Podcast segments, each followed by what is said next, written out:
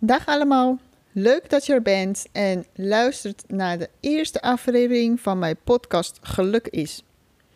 In deze podcast praat ik wekelijks over onder andere werkgeluk.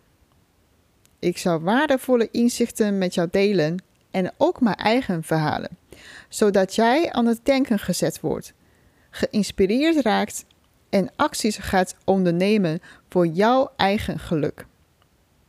Voor de mensen die me nog niet kennen, mijn naam is Sofie Ik ben 33 jaar oud. Oorspronkelijk kom ik uit China. Voor de studie ben ik naar Nederland gekomen. Inmiddels woon ik hier al bijna 13 jaar. Ik ben ondernemer en uh, het thema, thema van mijn bedrijf Build Your Happiness is werkgeluk. Met mijn werk en verschillende programma's die ik heb gemaakt en die ik nog ga maken, wil ik werkend Nederland gelukkiger maken. Ik heb best een tijdje getwijfeld of ik, zou, of ik überhaupt zou gaan beginnen met deze podcast.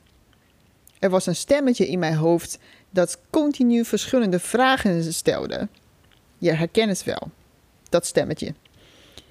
Um, vragen zoals: Je bent al bezig met zoveel dingen, heb je daar nog tijd voor?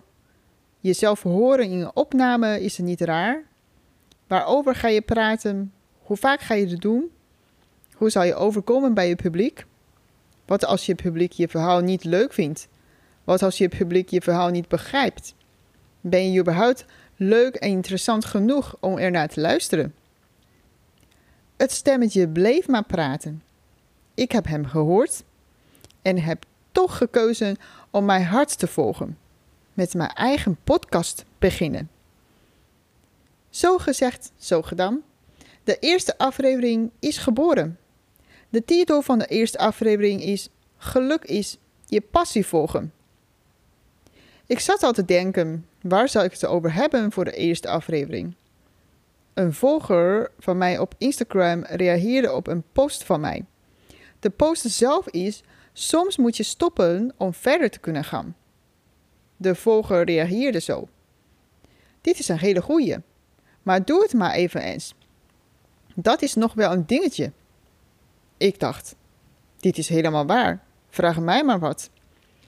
Ik heb een paar keer echt moeten stoppen met wat ik op dat moment aan het doen was, om daadwerkelijk verder te kunnen gaan, om mijn passie te kunnen volgen. Maar wat is de reden dat ik uiteindelijk toch de stappen heb gezet? De passie. Ik kwam erachter wat voor stappen er nodig waren om dichter bij mijn passie te kunnen komen. Voilà, ik ga over passie praten. Wat is passie eigenlijk? In mijn ogen is passie dingen doen waar je in gelooft, waar je enthousiast van wordt en waar je energie van krijgt. Je staat stevig achter wat je doet en komt snel in de flow. Wat een heerlijk gevoel is dat. Als je me vraagt wat mijn passie is, dan zou ik zeggen: mensen in beweging brengen zodat ze dichter bij de echte zelf kunnen komen. Ik doe het door coaching, training, opleiding, spreken, bloggen, vloggen en deze podcast waar jij op dit moment naar luistert. Het zijn mooie woorden, ik weet het. Maar hoe vind je je passie? Dat zou je kunnen af, deze vraag zou je kunnen stellen. En mijn antwoord is door te ervaren en door te doen. Je kan thuis zitten en bedenken wat je allemaal leuk vindt en wat je passie is. Ik ben bang dat er op deze manier weinig gaat gebeuren. Door dingen uit te proberen en daadwerkelijk te doen, voel je of je er enthousiast van wordt en of je energie krijgt. Probeer te voelen en niet te veel na te denken. Ons verstand is belangrijk, maar jij bent meer dan je hoofd. Door naar je gevoelens en signalen van je lichaam te luisteren, krijg je veel meer terug. Nu zou je je kunnen afvragen: ja, luister naar gevoelens en signalen van het lichaam. Hoe doe ik dat? Het is eigenlijk heel simpel. Ik vermoed wat je gewend bent, is om naar het stemmetje in je hoofd te luisteren. Kan ik dat?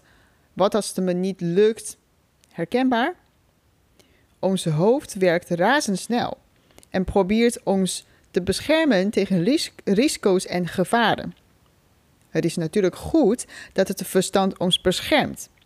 Maar het houdt ons soms ook van onze droom, dingen die we heel graag willen doen, maar niet helemaal zonder risico zijn. Wat jou hierin zou kunnen helpen, is vertragen. Dat je even de tijd neemt om te ervaren hoe je je voelt en wat voor signalen je krijgt van je lichaam. In plaats van meteen het hele gesprek met je hoofd te voeren. Er zijn een paar helpende vragen die je aan jezelf kan stellen. Als je je verstand je weer gaat tegenhouden om dingen te doen die je eigenlijk stiekem graag wil. Vragen zoals: Wat zegt mijn verstand nu? Geef het een plek. Negeer het niet. Je kan letterlijk tegen de stem zeggen: Ik hoor je. En ik wil ook even horen wat mijn gevoel en lichaam te zeggen hebben. Je zou je ook kunnen afvra uh, afvragen: hoe voel ik me? Is er een bepaalde spanning? Wat voor spanning is dat? Of is dat meer een soort angst? Waar ben ik bang voor? Door stilte te zoeken komen antwoorden makkelijker naar boven. En daarna gaat je naar je, gaat je, naar je lichaam. Vraag je wel eens af, hoe voelt, hoe voelt je lichaam? Is er een deel dat nu aandacht vraagt? Voel je ergens spanning? Waar zit het? Ga er met de aandacht naartoe en probeer te achterhalen wat de spanning wil zeggen.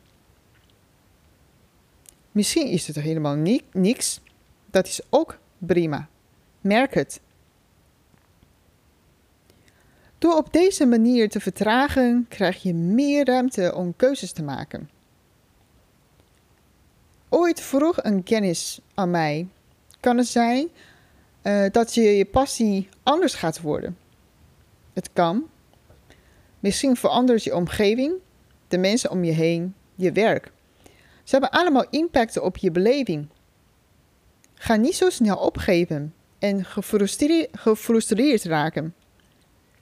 Probeer te onderzoeken wat de kern is van je passie. Het kan zijn dat de vorm van het werk uh, jou niet meer aanspreekt, maar de kern blijft hetzelfde. Als ik naar mezelf kijk, ben ik op een moment uh, het operationele werk in het werkgeluk traject minder leuk gaan vinden. Dan is de kunst om te kijken hoe ik op een andere manier nog steeds mijn passie kan volgen, terwijl ik de dingen steeds minder ga doen die me energie kosten. En dat ik daar uiteindelijk mee zou stoppen. Wat ik belangrijk vind om mee te geven is dat het volgen van de passie niet betekent dat je je huidige baan moet opzeggen en dat je je leven helemaal moet omgooien. Nee, dit allemaal zorgt voor veel stress. Stapje voor stapje en geduld hebben zijn heel belangrijk. Ja, ik weet dat het soms makkelijk gezegd is dan gedaan. Ik ben van natuur ook super ongeduldig en moet echt bewust geduld trainen. Vertragen is bijvoorbeeld een van de goede oefeningen. Het goede nieuws is dat je jezelf echt kan trainen. Ik durf niet te zeggen dat ik nu alles perfect doe, maar word er wel steeds beter in. Alles heeft tijd nodig. Ook je passie volgen en realiseren. Eén ding dat ik moet toegeven is dat het volgen van je passie soms super spannend kan zijn om iets te creëren. Vooral als je keuzes moet maken, bijvoorbeeld een nieuwe baan, onderneming, is echt super spannend. Wellicht kunnen deze vragen jou helpen om stil te staan bij de spanning. Mag je het spannend vinden? Wat gebeurt er als je iets spannend vindt? Wie heb je nodig? Wat heb je dan nodig? Hoe zorg je ervoor dat je krijgt wat je nodig hebt? Hoe ziet het eruit als het jou helemaal gelukt is? Wat zie je? Wat voel je? En wat hoor je? Ga visualiseren. Wat als het niet lukt? Hoe ga je daarmee om? Wat heb, je dan nodig? Het zijn gewoon een paar vragen om je te helpen met stilstaan en reflecteren. In je angst zitten meestal je kernwaarden. Gefeliciteerd! Door angst en onzekerheid te ervaren, sta je weer een stapje dicht bij je waarden. Voorhouden is soms moeilijk. Vooral als dingen even niet soepel lopen. Dan is het tijd om bovenstaande vragen, de vragen die ik net met jullie heb gedeeld, nog een keer te stellen. Ik gun je om je passie te vinden en te volgen. Ik gun je om je passie te vinden en te volgen. Heb je vragen? Laat mij maar dan weten via info@peugeothappiness.nl. Deze podcast is ook te lezen als blog op mijn website www.peugeothappiness.nl. Hartelijk dank voor het luisteren. Volgende week ga ik mijn eigen verhalen met jullie delen. Hoe ik door keuzes te maken mijn passie volg. Wil je de verhalen niet missen? Meld je aan voor de nieuwsbrief met volle inspiraties. Graag tot volgende week.